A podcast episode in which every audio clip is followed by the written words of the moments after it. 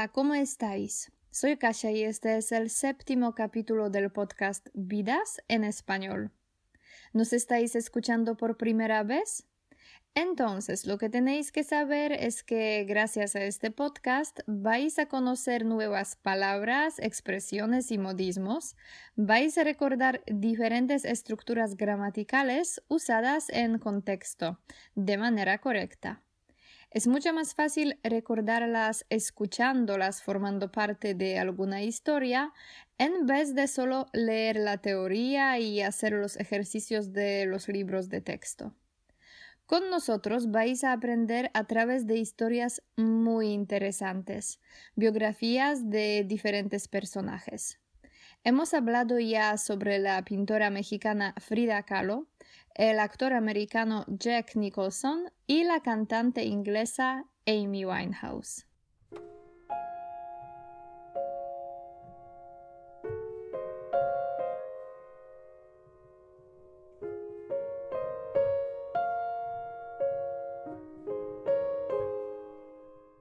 Como os dije la última vez, nos quedamos en Inglaterra. De hecho, nos quedamos en la misma ciudad, en Londres. No obstante, vamos a viajar en el tiempo. Vamos a retroceder a finales del siglo XIX. En aquella época, el 25 de enero de 1882, nació la siguiente protagonista del podcast, Virginia Woolf, que está considerada como una de las escritoras más importantes del siglo XX.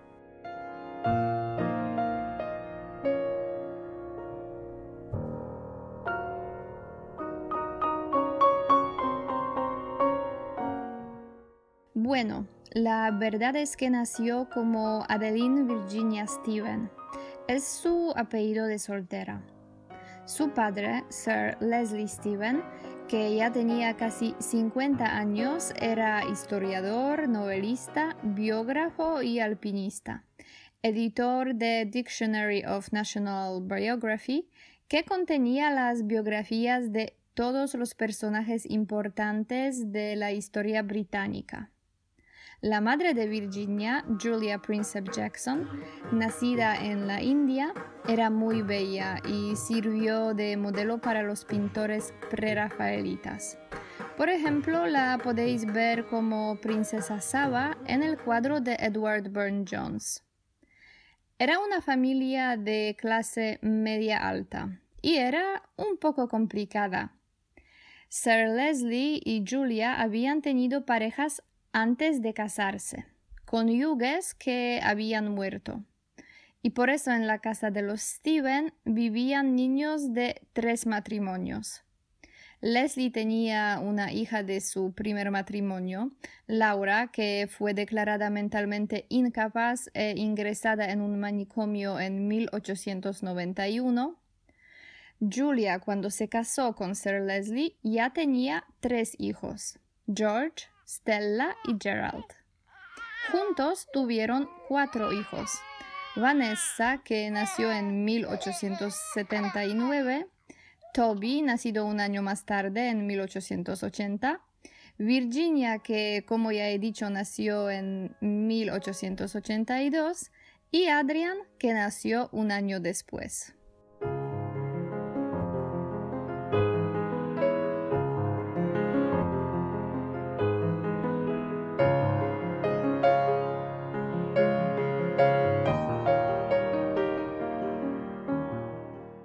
¿Qué sabemos de la infancia de Virginia? Pues fue muy feliz. Cuando era pequeña, Virginia paseaba por Kensington Gardens y patinaba en invierno en los parques. Cada año ella y su familia pasaban algunas semanas de verano en St. Ives, en Cornwallis, donde tenían una casa con vistas al mar. Los recuerdos de aquel lugar se pueden encontrar en sus novelas, como por ejemplo Alfaro.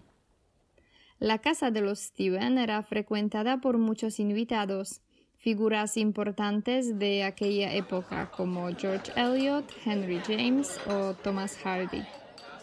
Virginia, a lo mejor inspirada por ese entorno lleno de peces gordos del mundo de arte y la literatura, comenzó a escribir muy pronto.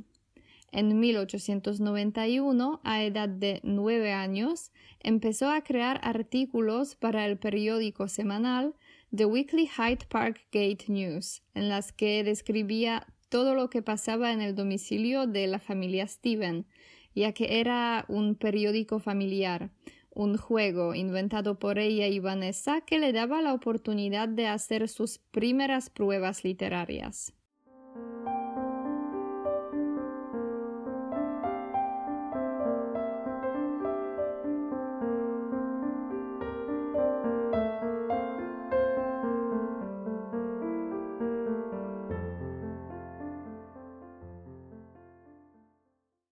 Infancia feliz fue interrumpida repentinamente en 1895, cuando murió su madre por fiebre reumática, teniendo tan solo 49 años.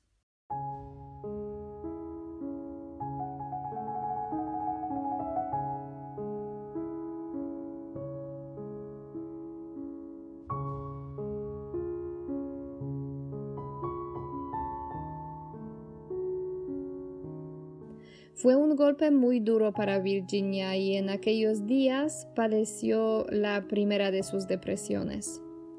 Por si fuera poco, dos años más tarde murió también su hermanastra, Stella, que después de la muerte de su madre decidió tomar las riendas del hogar, pero abandonó la casa familiar tras casarse con Jack Hills.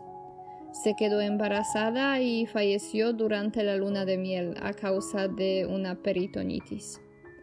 En aquel entonces, Virginia se sentía sola. No sabía unirse al mundo de los jóvenes de su clase, se mantenía al margen.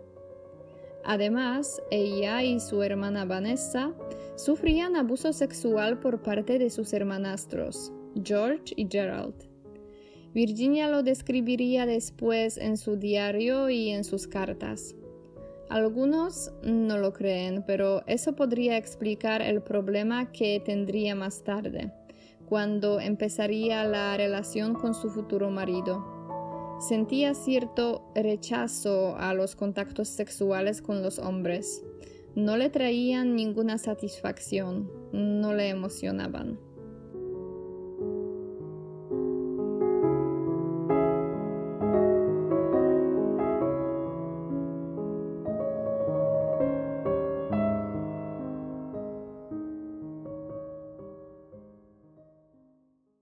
Los hermanos de Virginia fueron a la universidad y las chicas no podían hacerlo.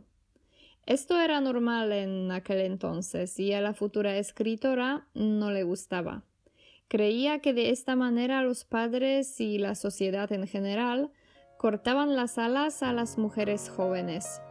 Sin embargo, las dos hermanas recibían clases de sus padres y de profesores particulares podían también aprovechar la inmensa biblioteca de la familia Steven.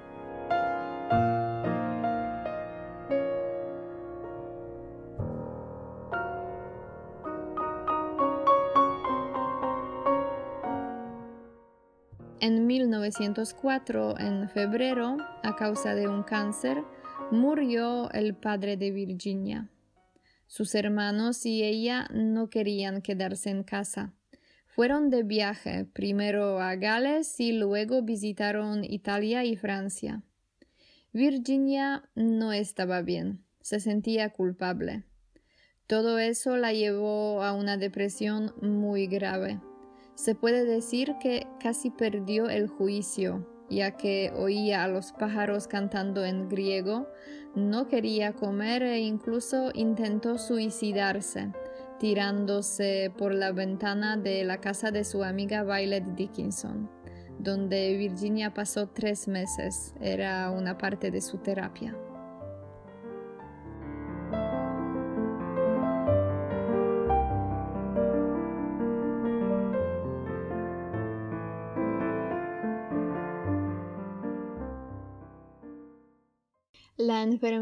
que padecía Virginia la conocemos hoy como trastorno bipolar.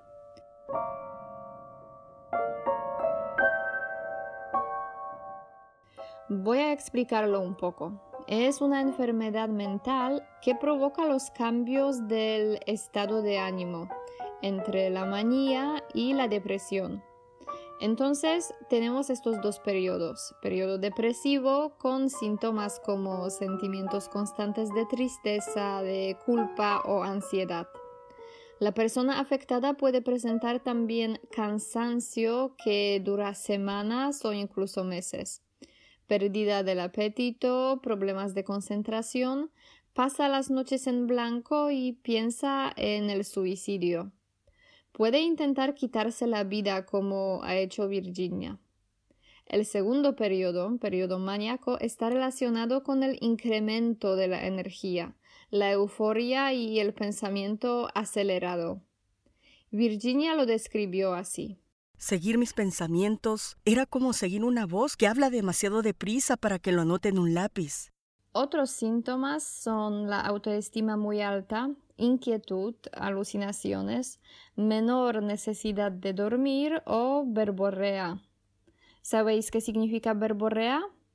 Es cuando alguien no para de hablar, cuando habla por los codos. Durante el periodo maníaco, la persona afectada puede incluso tener ideas de bombero, provocadas por voces que oye o por las alucinaciones. Antes no se conocían los métodos de tratamiento que se usan ahora. Por eso era más difícil luchar con este trastorno. Aunque, como vais a ver a continuación en el podcast, Virginia cogió el toro por los cuernos, luchó con mucha fuerza y luchó durante muchos años con éxito.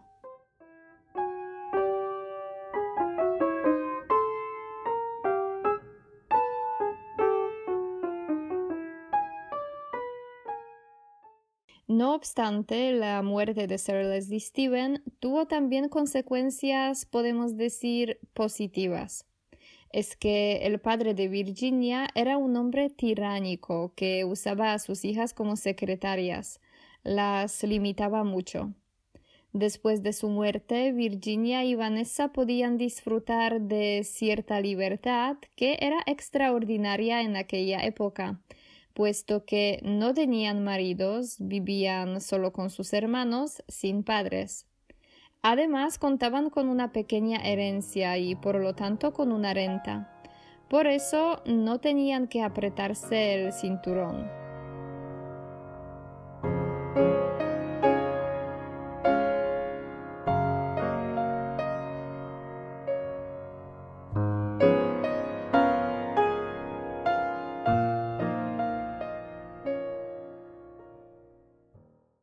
Los cuatro hermanos decidieron vender la casa de Hyde Park y se mudaron a otro barrio de Londres, Bloomsbury, que entonces no estaba de moda. Su nueva casa estaba situada cerca del Museo Británico y su biblioteca. Pronto se convirtió en un centro de reuniones de los antiguos compañeros de estudios del hermano mayor de Virginia, Toby. A este grupo, que recibiría el nombre de Grupo o Círculo de Bloomsbury, pertenecía la flor innata de la sociedad. Intelectuales como el economista Keynes, el escritor Ian Forster, el filósofo Bertrand Russell y personas que serían las más cercanas para Virginia, Clive Bell, Leighton Strachey, Leonard Woolf o Duncan Grant.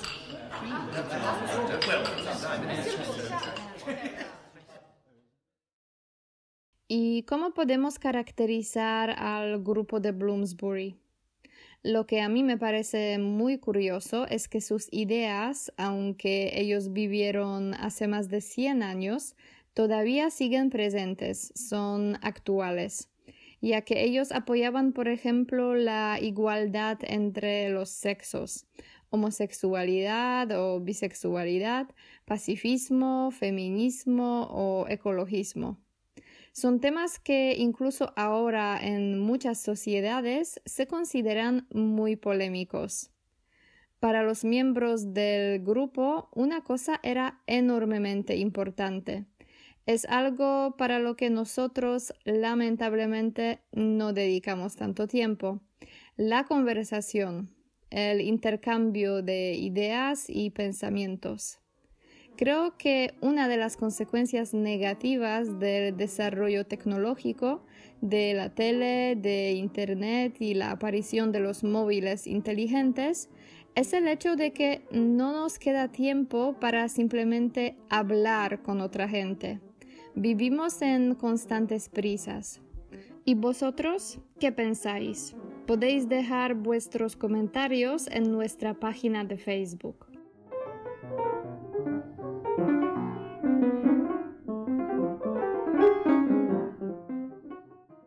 Dentro del grupo se formaban diferentes tipos de relaciones, intelectuales, amistosas, amorosas, hetero y homosexuales. Por ejemplo, Lytton Strachey, uno de los mejores amigos de Virginia, le pidió la mano y ella dijo sí. Pero Lytton, siendo homosexual, llegó a la conclusión que no era buena idea y se echó atrás.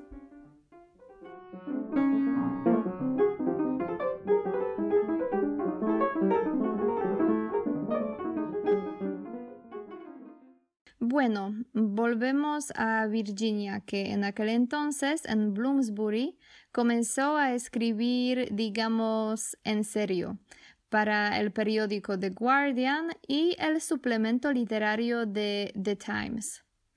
Virginia escribía y publicaba críticas literarias y ensayos. Empezó también a trabajar en Morley College, una escuela para mujeres y hombres de clase trabajadora donde daba clases de literatura e historia inglesa.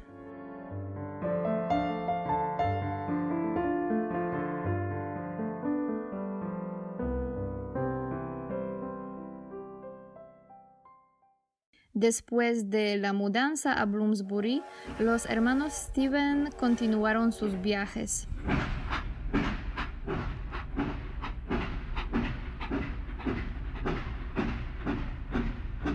Esta vez en mayo de 1906, acompañados por la amiga de Virginia, Violet Dickinson, fueron a Grecia. Ahí Violet, Vanessa y el hermano mayor de Virginia, Toby, se pusieron muy enfermos. Contrajeron tifus. En noviembre de 1906, Toby murió. Dos días más tarde, Vanessa decidió que iba a casarse con uno de los miembros del círculo de Bloomsbury, el crítico de arte Clive Bell. Vanessa y Clive se establecieron en Gordon Square, entonces Virginia y Adrian tuvieron que buscar otra vivienda. Se mudaron a Fitzroy Square. En aquella época, Virginia empezó a trabajar en su primera novela que sería publicada unos años más tarde.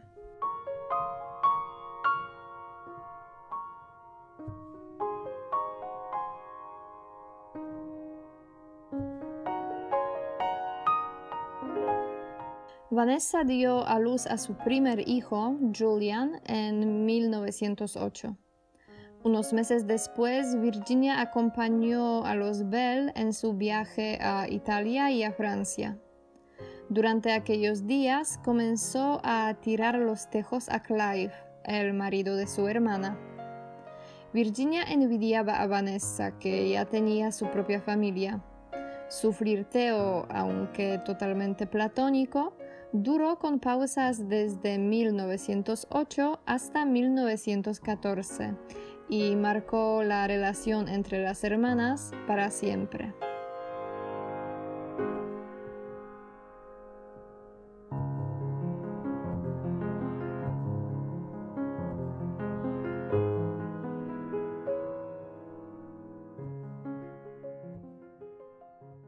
En 1910, algunos miembros del grupo de Bloomsbury participaron en una acción muy asombrosa que atrajo la atención de la prensa inglesa y es conocido como engaño del dreadnought o farsa del dreadnought.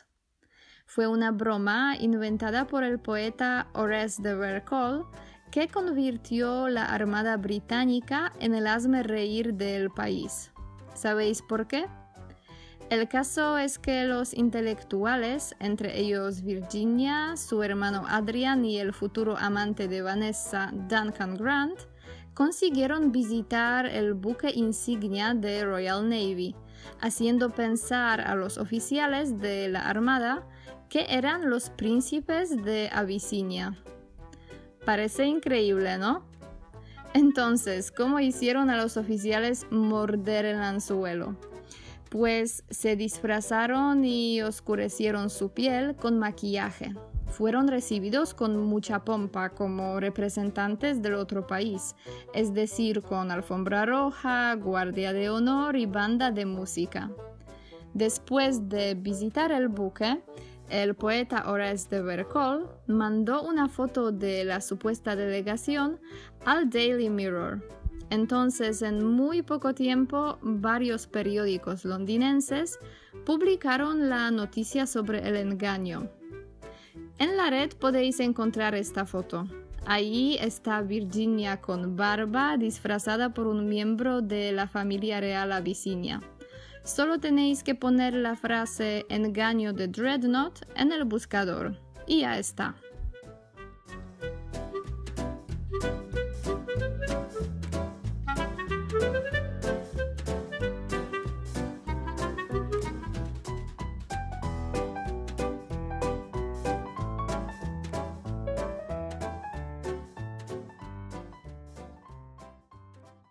Un año después del engaño de Dreadnought, un amigo universitario de Toby, el hermano de Virginia que había fallecido en 1906, llegó a Inglaterra. Se llamaba Leonard Wolf. Trabajaba como administrador colonial en Ceylon y volvió a Londres para un descanso de un año. En aquellos días Virginia y su hermano Adrian estaban cambiando de casa, mudándose a Brunswick Square, donde iban a vivir con el economista Maynard Keynes y el pintor Duncan Grant. Invitaron también a vivir con ellos a Leonard Wolf. Leonard era uno de los miembros del grupo de Bloomsbury aunque venía de una familia de bajo rango social y económico, ya que su padre murió a la edad de 48 años y dejó a su mujer con nueve niños.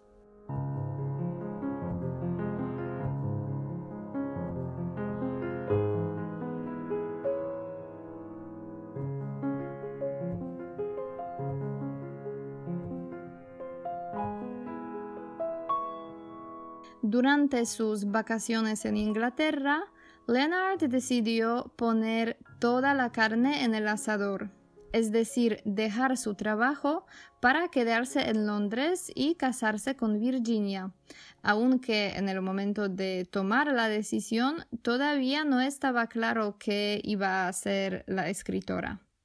Era posible que le diera calabazas. No obstante, al final Virginia escribió a su amiga Violet Dickinson, parece que iba a casarse con un judío sin un céntimo.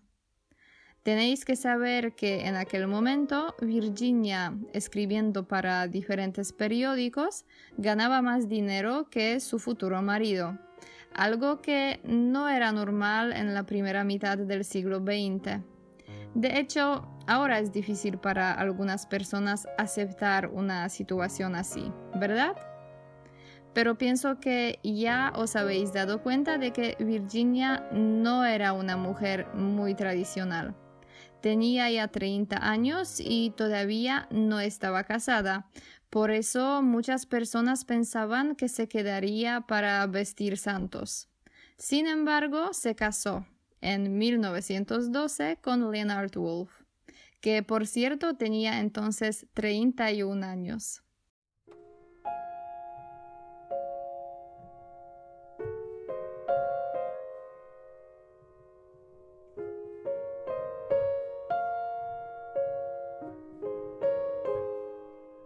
De lo que pasó después de la boda hablaremos la próxima vez Conoceremos también algunas de las obras de Virginia.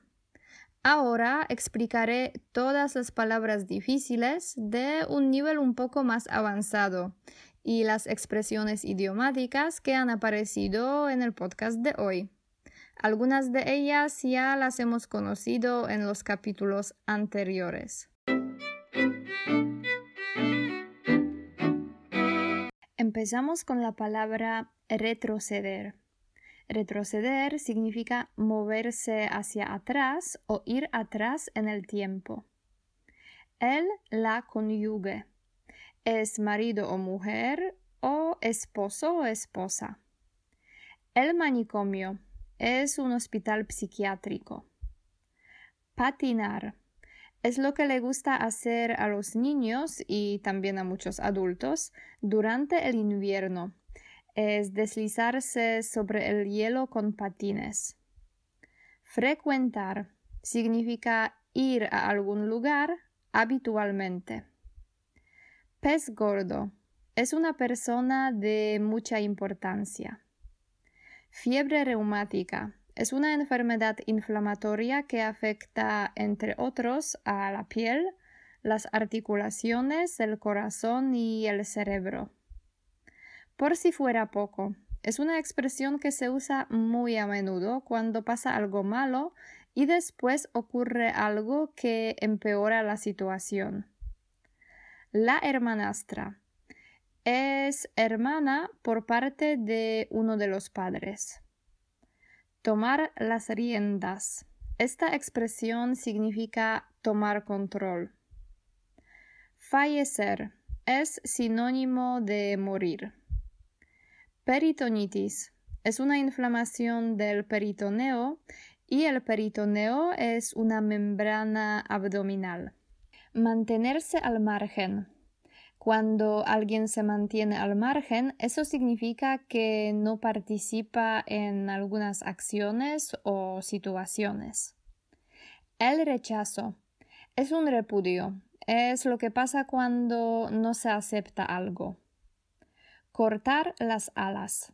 Es una expresión idiomática que significa quitar el entusiasmo o ánimo a alguien.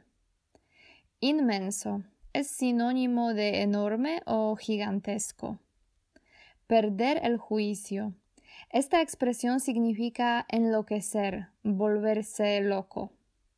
Suicidarse significa quitarse la vida. La ansiedad es sinónimo de inquietud o preocupación. Pasar la noche en blanco. Es un modismo. Cuando alguien pasa la noche en blanco, significa que la pasa sin dormir. El incremento es lo mismo que aumento. Acelerado significa más rápido o precipitado. La autoestima es confianza en uno mismo. La inquietud es lo mismo que ansiedad o preocupación. La alucinación es una visión, algo que vemos pero no es real. Las alucinaciones pueden ser síntoma de alguna enfermedad. Hablar por los codos es una expresión idiomática que significa hablar muchísimo, sin parar. Tener ideas de bombero es otro modismo. Ideas de bombero son ideas absurdas, disparatadas. Coger el toro por los cuernos. Aquí tenemos otra expresión idiomática. Cuando alguien coge el toro por los cuernos, eso quiere decir que se enfrenta a una situación complicada o difícil.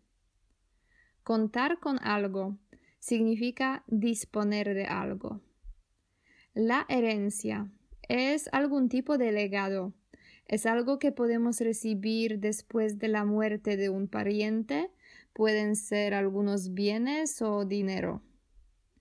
Apretarse el cinturón. De nuevo un modismo. Hoy hemos conocido muchísimos modismos y este significa reducir gastos. Cuando alguien tiene que apretarse el cinturón, no puede gastar mucho dinero. La flor y nata de la sociedad. Son personas de las más selectas de alguna sociedad. Apoyar significa ayudar a alguien, animarle. Polémico. Algo polémico es algo que provoca controversia.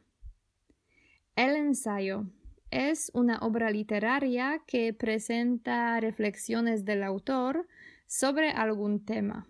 El tifus es la enfermedad que los hermanos de Virginia contrajeron en Grecia, una enfermedad infecciosa grave cuyos síntomas son entre otros fiebre alta, escalofríos o diarrea. Establecerse es sinónimo de asentarse. Tirar los tejos es una expresión idiomática que significa flirtear, coquetear. Envidiar significa desear algo que no es nuestro, por ejemplo, un coche, una casa o un trabajo de otra persona. Asombroso. Algo asombroso es algo que causa sorpresa. El engaño es una acción que se realiza para que alguien crea algo que no es verdadero como los oficiales de Royal Navy que creyeron que los intelectuales ingleses disfrazados eran de Abisinia. La broma es algo que se dice o hace para divertirse o para reírse de alguien. El hazme reír es el objeto de alguna broma. El buque insignia. Un buque es un barco grande y buque insignia es el buque más importante de alguna flota. Morder el anzuelo es un modismo que significa creer una mentira o dejarse engañar. Supuesto. Algo supuesto es algo que no está confirmado o es hipotético. Poner toda la carne en el asador es una expresión idiomática que significa arriesgar todo lo que se tiene para conseguir algo. Dar calabazas es otra expresión idiomática. Cuando alguien da calabazas a otra persona, significa que la rechaza en el sentido de las relaciones amorosas.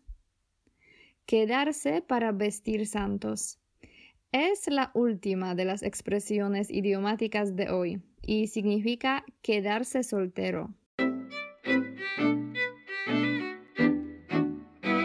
Bueno, son todas las palabras y expresiones que quería explicar. Ahora lo que tenéis que hacer es ir a la página web del podcast www.vidasenespañol.com Ahí hay una sopa de letras con 10 palabras relacionadas con la vida de Virginia Woolf. Para la primera persona que ponga todas las palabras en el comentario del podcast en Facebook, tenemos la transcripción completa del podcast. Buena suerte a todos. Recordad que podéis apoyarnos dándole al podcast las 5 estrellas en iTunes. Es todo por hoy. Os animo a escuchar la segunda parte de la biografía de Virginia que presentaremos en el siguiente capítulo del podcast. Muchas gracias y hasta la próxima. Chao. Vidas en español.